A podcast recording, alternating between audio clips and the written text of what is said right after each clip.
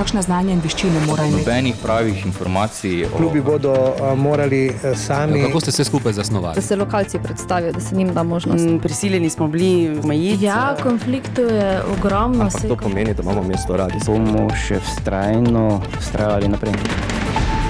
Radijska tribuna. Spoštovani poslušalke in poslušalci, pozdravljeni. V Sloveniji je bilo letos samo do začetka decembra 12 poskusov umora in uboja ter dokončanih umorov in ubojev žensk. V polovici primerov je žrtev umrla, imamo torej šest žrtev intimno-partnerskega nasilja v 11 mesecih. Velika večina najhujših nasilnih dejanj se zgodi tam, kjer predhodno nasilje ni bilo prijavljeno, povzročitelj pa ni bil znan pristojnim službam kot nasilen. V današnji oddaji zato podrobneje osvetljujemo, zakaj žrtve nasilja ne prijavljajo, kako prepoznavati problematično vedenje, še preden se lahko to stopnjuje in tudi življensko ogroža. Kako o prijavah družinskega nasilja ukrepajo policija, centri za socialno delo in kakšni so še drugi naslovi, kamor se lahko obrnete, če nasilje doživljate, ga izvajate ali ste mu priča. Radijska tribuna. Vaša voditeljica je Vesna Martinec. Že takoj na začetku odgovarjamo na prej zastavljeno vprašanje in navajamo nekaj naslovov za pomoč. SOS telefon ima številko 080 11 55. Če nasilje izvajate, lahko pokličete Društvo za nenasilno komunikacijo 031 770 120. Svetovalnica za žrtve nasilja pri Mariborskem CSD-ju ima telefon 228 4994, številka policije pa je 113 ali anonimno 080 12 nič nič. Naši sogovorniki pa so danes direktorica Centra za socialno delo Maribor Marjana Bravc, pomočnica direktorice CSD in dolgoletna socialna delavka tudi na področju družinskega nasilja Ružica Petrovič in policijski inšpektor Robi Štrman iz policijske uprave Maribor. Dobr dan želimo vsem trem. Dobar dan. Dobar dan. 25. november je mednarodni dan boja proti nasilju nad ženskami in v družini, zaznamujemo pa ga z različnimi dejavnostmi in informiranjem o tej problematiki vse do 10. Eh, decembra, svetovnega dne človekovih pravic. Povedali smo že, da je število najhujših nasilnih dejanj v intimno-partnerskih odnosih v letošnjem letu še posebej veliko, pristojni pa poročate o porastu vseh vrst nasilja. Kaj pravijo policijske statistike? Gospod Štrman? E, za lažje razumevanje bi jaz predstavil stati nekaj statističnih podatkov za policijsko upravo Maribor glede na prijavo nasilja v družini. V zadnjih desetih letih, povezanih z kaznjivimi dejanji nasilja v družini in prekrški z elementa nasilja po zakonu o varstvu javnega reda in miru. V zadnjih desetih letih so kazniva dejanja in prekrški v obliki galosove krivulje.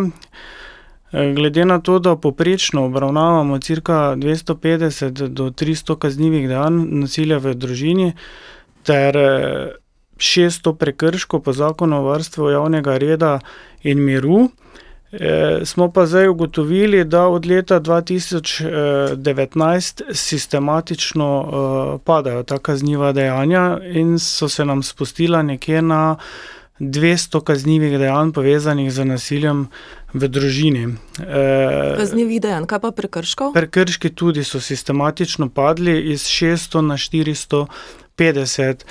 E, Glede na to, da je iz teh eh, statističnih podatkov policije je razvidno, da je še pa vedno največ žrtev nasilja v družini odraslih žensk, storilcev pa moških, kar kaže na očitno za znašanje močnejšega spola nad šipkejškimi.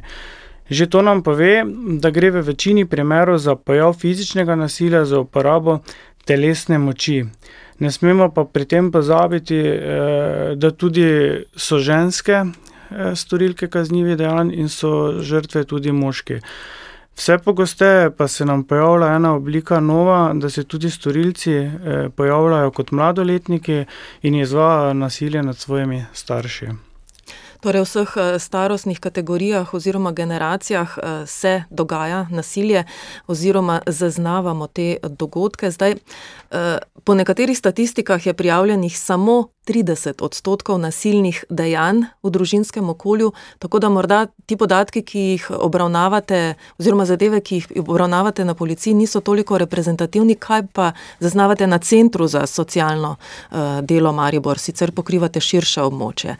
Koliko osebam ste v zadnjem obdobju pomagali uh, v primerih družinskega nasilja, direktorica Marjana Bravo? No, ne bi govorila o osebah, ampak bi mogoče rekla o številu zadevah, uh -huh. ki smo bili vključeni v zvezi z preprečevanjem nasilja v družini. Za letošnjih 11 mesecev imamo teh zadev dobrih 400. Eh, če primerjam eh, z letom 2020 in letom 2021, teh 11 mesecev, primerjam z celimi leti, vidim, da imamo v primerjavi z letom 2020 za 23 odstotkov več, da smo bili vključeni, z letom 2021 pa za 12 odstotkov. To je mogoče tudi z eh, tega vidika, da se trudimo, da čim bolj ozaveščamo. Eh, ljudi, da se tudi, ko zaznajo tiste prve oblike kakršnega koli nasilja, da se že obrnejo na nas. Da, jaz bi rekla, da je to dobra informacija, se pravi, nas slišijo, nam zaupajo, se obrnejo pravi čas uh, na našo inštitucijo.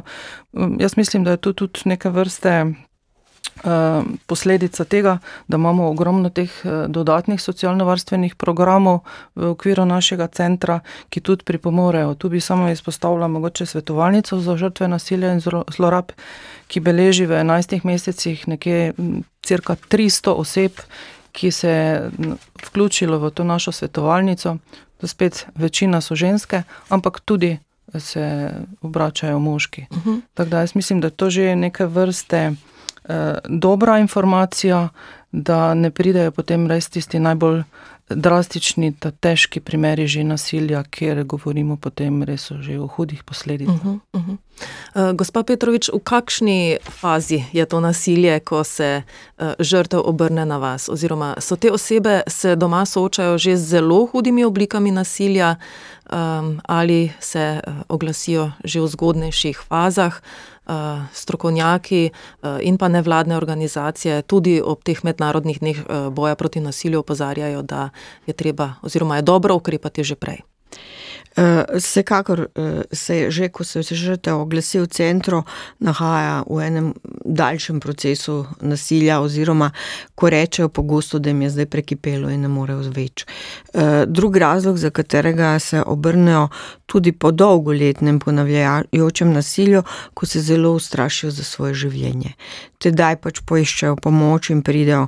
Mogoče bi jaz tu omenila še eno, en vidik nasilja, to je vidik nasilja staršev nad mladoletnimi otroci. In tu pač večinoma se vključujemo, oziroma dobivamo informacijo iz predšolskih ustanov, pa iz eh, šol.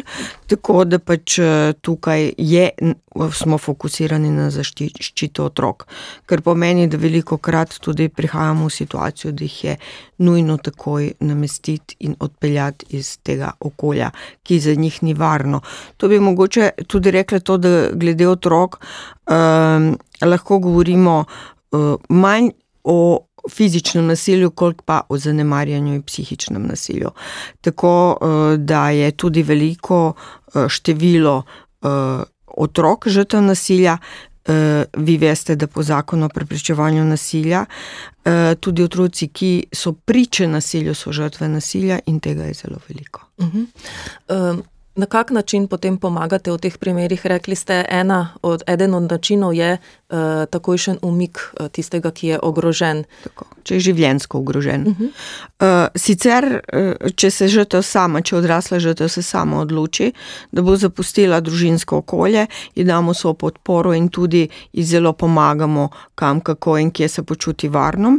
Uh, tudi dobi pri nas vse informacije, naredimo tudi načrt dela z žrtvijo. Uh, skratka, poskusimo narediti vse, da storilec v tej akutni fazi ne pride do nje in je tudi življensko ne more ogroziti. V primeru, pa, ko ugotovimo, da veste, en del nasilja se tudi pojavlja zaradi nemoči ne, in žrtev ne želi, poskusimo zapustiti svoje okolje, tedaj pač jo pripravimo, če se zadeve zaostrijo, kaj mora narediti. Točno to so take zadeve, kje je ključ od avta, kje so osebni dokumenti, kje so stvari. Skratka, da se v zelo kratkem in koga mora poklicati, kje, kam da telefon, skratka, da se v zelo kratkem eh, času lahko umakne in kam naj se umakne.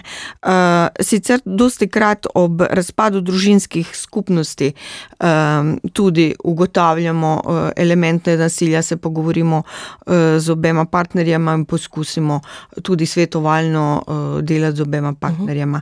Torej, dosti krat se zgodi, da žrtev gre in potem po nekem, strok, nekem strokovnem delu pa spet najdete neki skupni jezik za nadaljevanje svojega odnosa. Tiste osebe, žrtve nasilja, ki so to nasilje trpele dolga leta in potem, kot ste rekli, jim je prekipelo ali pa so že življensko, jih je strah za življenje, kaj povedo, zakaj so tako dolgo ustrajale? Kaj so bili glavni razlogi, da niso že prej ukrepale? Si, dinamika nasilja, veste, da je vedno nasilje, pa so medeni tedni, ko se obljublja, pa upaš, da bo boljše. Eh, potem se zadeve s časoma spet zaostrijo, to je eden od razlogov. Drugi od razlogov je tudi to, da nekako se vse čas nismo pripravljeni eh, pogledati realno situacijo in vse čas mogoče, recimo, rečemo, mogoče, da je imela občutek, da pretirava, da je treba še malo počakati, da se bo lek, pa sej, ko, ko je recimo trezanje je zelo prijazen, pa zelo je fajn, pa do otrok, ki je dober oče. Ampak uh, v enem trenutku, ko to že ne more več, se odloči, da gre naprej. Uh, zdaj pa tudi dosti krat moramo upoštevati te nekulturne značilnosti, ker vemo, da uh, delamo z različnimi kulturami, ki je tudi družina širša, nekako na žrtev pritiska, da je pa le treba potrpeti, da le treba zdržati, saj pa to bo mimo. Skratka, veliko razlogov, zakaj se žrtev ne odloči. Zdaj, policija, policija se odzove na vsak klic eh, ali naznanilo tretje osebe, ki, torej nekoga, ki za nasilje ve. In policisti ste tudi prvi posredovalci, in eh, potem na dogodku samem ugotavljate, ali gre za prekršek ali kaznivo dejanje, in kakšni bodo naprej postopki. Kako to eh, presojate, in kakšni so se ukrepi oziroma nadaljni postopki policije?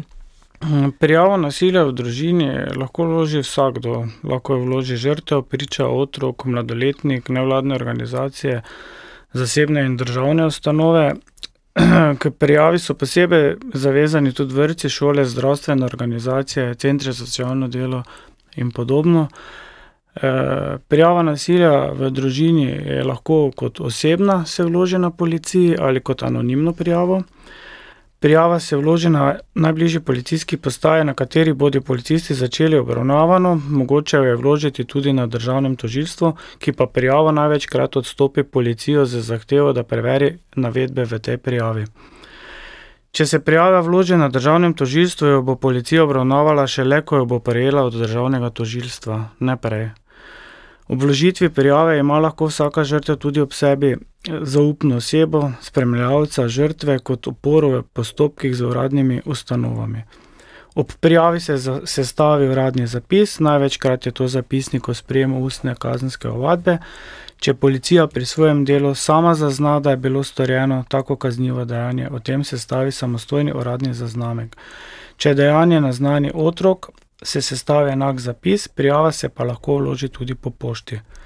Policisti bodo upravili dodatni pogovor s prijaviteljem, če je prijava podana po pošti. Anonimna prijava, ne glede na to, da je na spletni strani objavljen ta naš obrazec policije, je mogoče vložiti tudi e-prijavo nasilja v družini, tako jo pač mi imenujemo.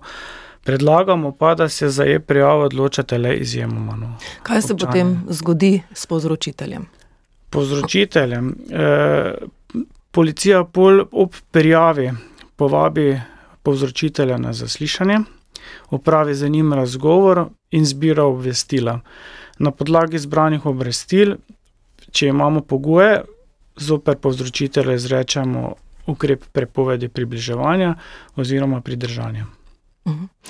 Zdaj, če beremo izpovedi žrtev, pa tudi različne analize sociologov, vidimo, da so povzročitelji uh, nasilja pogosto zelo manipulativni in imajo tudi dva obraza zunaj doma, so lahko zelo družabni, priljubljeni.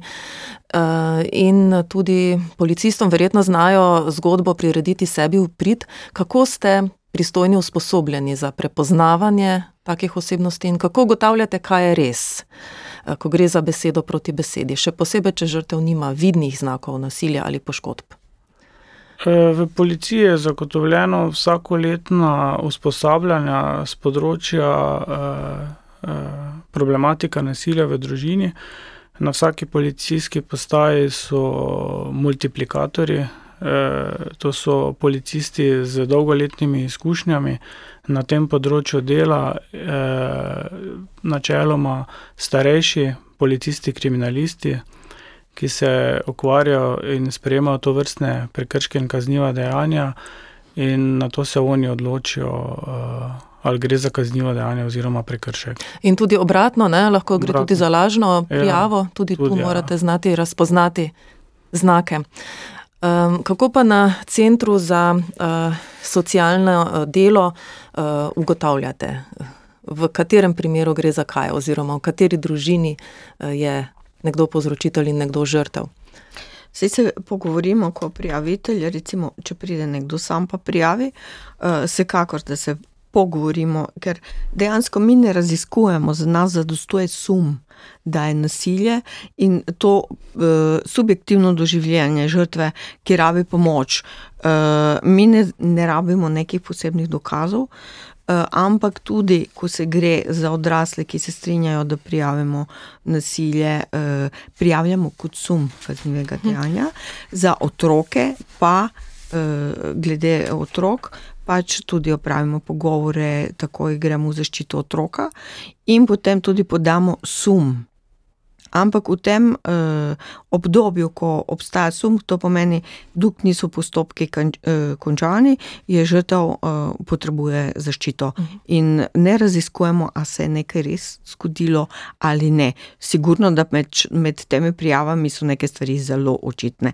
Uh, bolj težko je pri psihičnem nasilju, katerega je zelo. To sem želela vprašati. Tako. Smo pri nas občutljivi večinoma, oziroma pretežno na fizično nasilje, ali smo dovolj senzibilizirani tudi na druge oblike nasilja. Torej, ali ljudje, ki pridejo k vam, se dovolj zavedajo, da je nasilje tudi zmerjanje, žaljenje, poniževanje, eh, poskus eh, izolacije, eh, zalezovanje, ne prispevanje denarja v skupno družinsko blagajno. Ja, žrtve se zavedajo, da je nekaj narobe, dosti krat pa ne znajo identificirati. Kome, ko se pogovarjajo strokovno delavko, pravzaprav pridejo do tega, kaj se njim dejansko dogaja. Dogaja se pa nekaj, kar izpravlja v hudo stisko. Veliko krat žrtve tudi grejo v kako depresijo ali kako bolezen. Eh, in potem, ko razčlanimo, kaj se je zgodilo, vidimo, da je to psihično nasilje. Zdaj, to ste vprašali za občutljivost. Eh, jaz mislim, da same žrtve, pa tudi strokovni delavci, smo zelo občutljivi na psihično nasilje, ampak družba še vedno ni dovolj občutljiva. Ker to je nasilje, ki se ne vidi.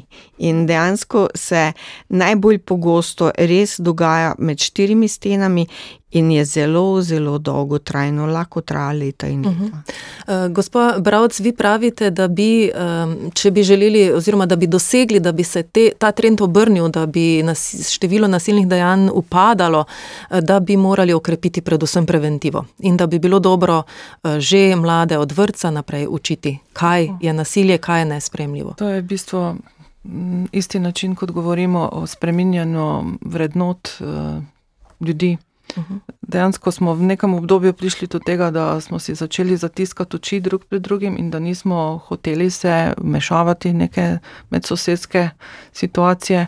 Ampak jaz mislim, da je treba zdaj res začeti uh, takoj že od vrca naprej, uh, da vsi, ki imamo kakršno koli možnost komunicirati, komi, da naslovljamo na vse da je potrebno biti pozoren na nasilje, Mhm. da tudi fizično psi, ni nasilje samo tisto, ki je nasilje. Ja.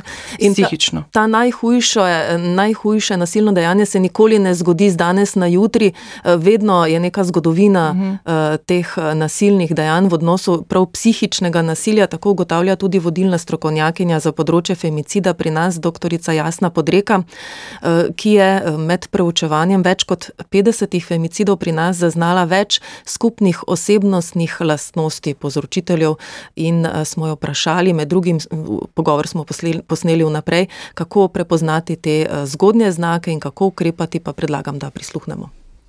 Jaz mislim, da se te zgodnji znaki zelo kažejo v nekem posesivnem odnosu, ki je ovit v neke navidezno ljubeče zahteve, nespoštovanja mej interesov drugega, to, da se že v samem začetku nekdo ne zna spoštovati tega, da vi rabite svoj mir, da vi rabite svojo družbo, da si želite tudi sami nekam. Ne?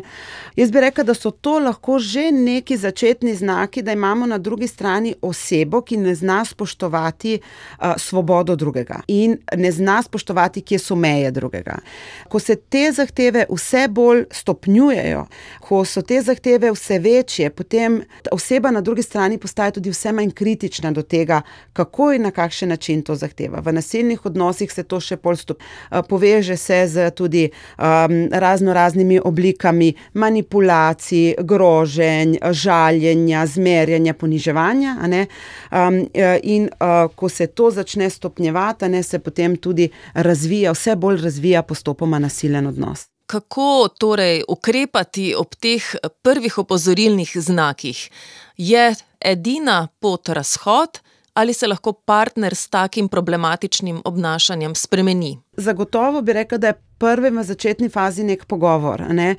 Da, ko opažamo, da se naš socialni krok krči in da nobena od naših zahtev ne pade na plodna tla pri partnerju na drugi strani, da se seveda najprej poskušamo pogovoriti, da povemo, kaj so naše želje, kako si bi jaz želel, da, kaj me moti v tem odnosu.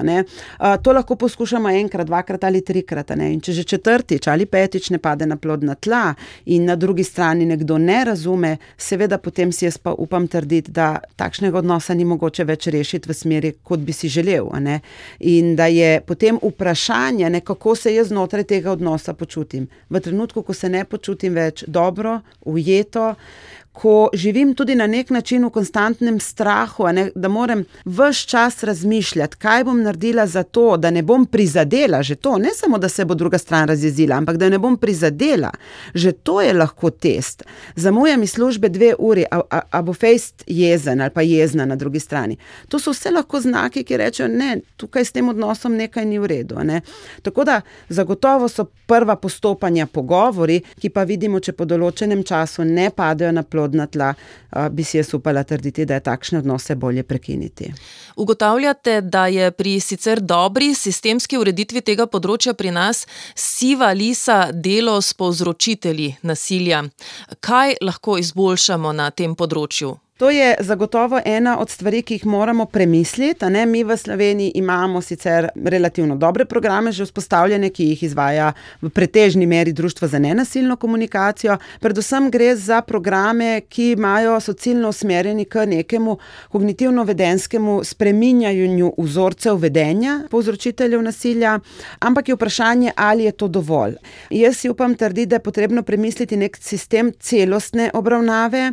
Prvič je vprašanje recimo ob prijavah nadzor v primeru, da je izrečen ukrep prepovedi približevanja, zdaj policija naredi nadzor enkrat na dan, pri čemer povzročitelj je vabljen sicer na center za socialno delo, vendar pride, če želi prostovoljno, ne, in vidimo, da v številnih primerjih pridejo enkrat, dvakrat in če niso motivirani, ne pridejo več.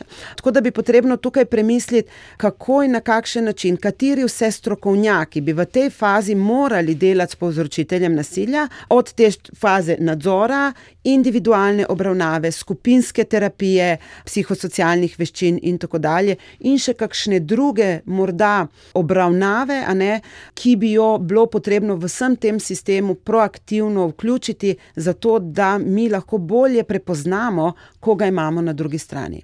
Trenutno povzročitelji nasilja so prostovoljno napoteni. Ne? Torej, oni so napoteni na programe, treninge socialnih veščin, prav tako na razgovore v, um, na Center za socialno delo, vendar če se ne odzovejo, ne pridejo, nihče nima pravico jih privesti tja. Torej, vprašanje, ali bi vendarle taka vključitev morala biti na nek način obvezna, ampak pravim, to je vse stvar strokovne diskusije. Jaz mislim, da v Sloveniji sedaj bi bilo potrebno malo bolje prečesati ta vidik in tudi na osnovi nekih dobrih praks iz tujine vzpostaviti mogoče nek malce bolj optimalen sistem obravnave.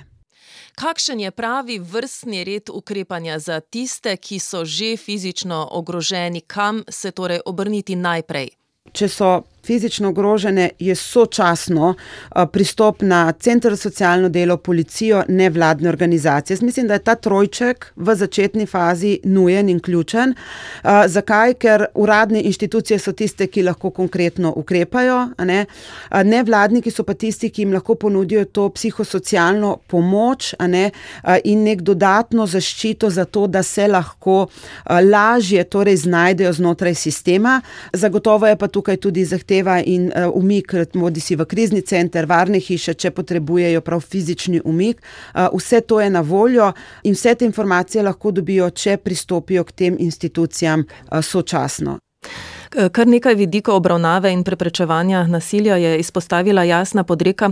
Če torej nekdo potrebuje fizični umik iz domačega okolja, zato lahko poskrbite in mu pomagate pri Centru za socialno delo. Drži, eh, krizni center, varna hiša, eh, tudi odpirate krizni center za manjše otroke, palčica k malu. Tako. Uh, jaz bi rekla, da res smo ponosni, da v okviru našega centra ne izvajamo samo rednih nalog, pa javnih pooblastil, ampak imamo celovito, bi rekla, pomoč, uh, sploh tukaj v primeru žrtev nasilja. Uh, že naša interventna služba skupaj s policijo, če pride do situacije, da je nekdo res fizično ogrožen in ga lahko v trenutku umaknemo v naš krizni center za žrtve nasilja, če je to mladoletna oseba od 6 do 18 let gre lahko v krizni center za otroke in mladostnike, tudi v okviru našega centra. Eh, sicer pa tudi varna hiša, kjer je tudi na tajni lokaciji, je tudi lokacija, kjer lahko dalj časa potem te žrtve nasilja bivajo eno leto, oziroma tudi možnost še potem šest mesecev, in v tem času se lahko tudi potem res popolnoma opolnomočijo, dobijo so socialno, psihološko pomoč in tudi eh, nekako eh, si uredijo življenje, da mhm. živijo. Sicer pa nekdo, ki ne potrebuje namestitve, tudi lahko dobi pomoč v okviru vaše svetovalnice. Se strinjate, da bi potrebovali sistemsko ureditev tudi dela s povzročitelji? Ja, neka ideja je tudi bila pri nas, da bi v okviru naše svetovalnice za žrtve nasilja in zlorab eh, naredili še en dodatni program, da bi delali tudi z povzročitelji, ampak eh, pritegnili smo tudi to društvo za nenasilno komunikacijo, smo kar sodelujemo še vedno z njimi, sedež imajo v Ljubljani.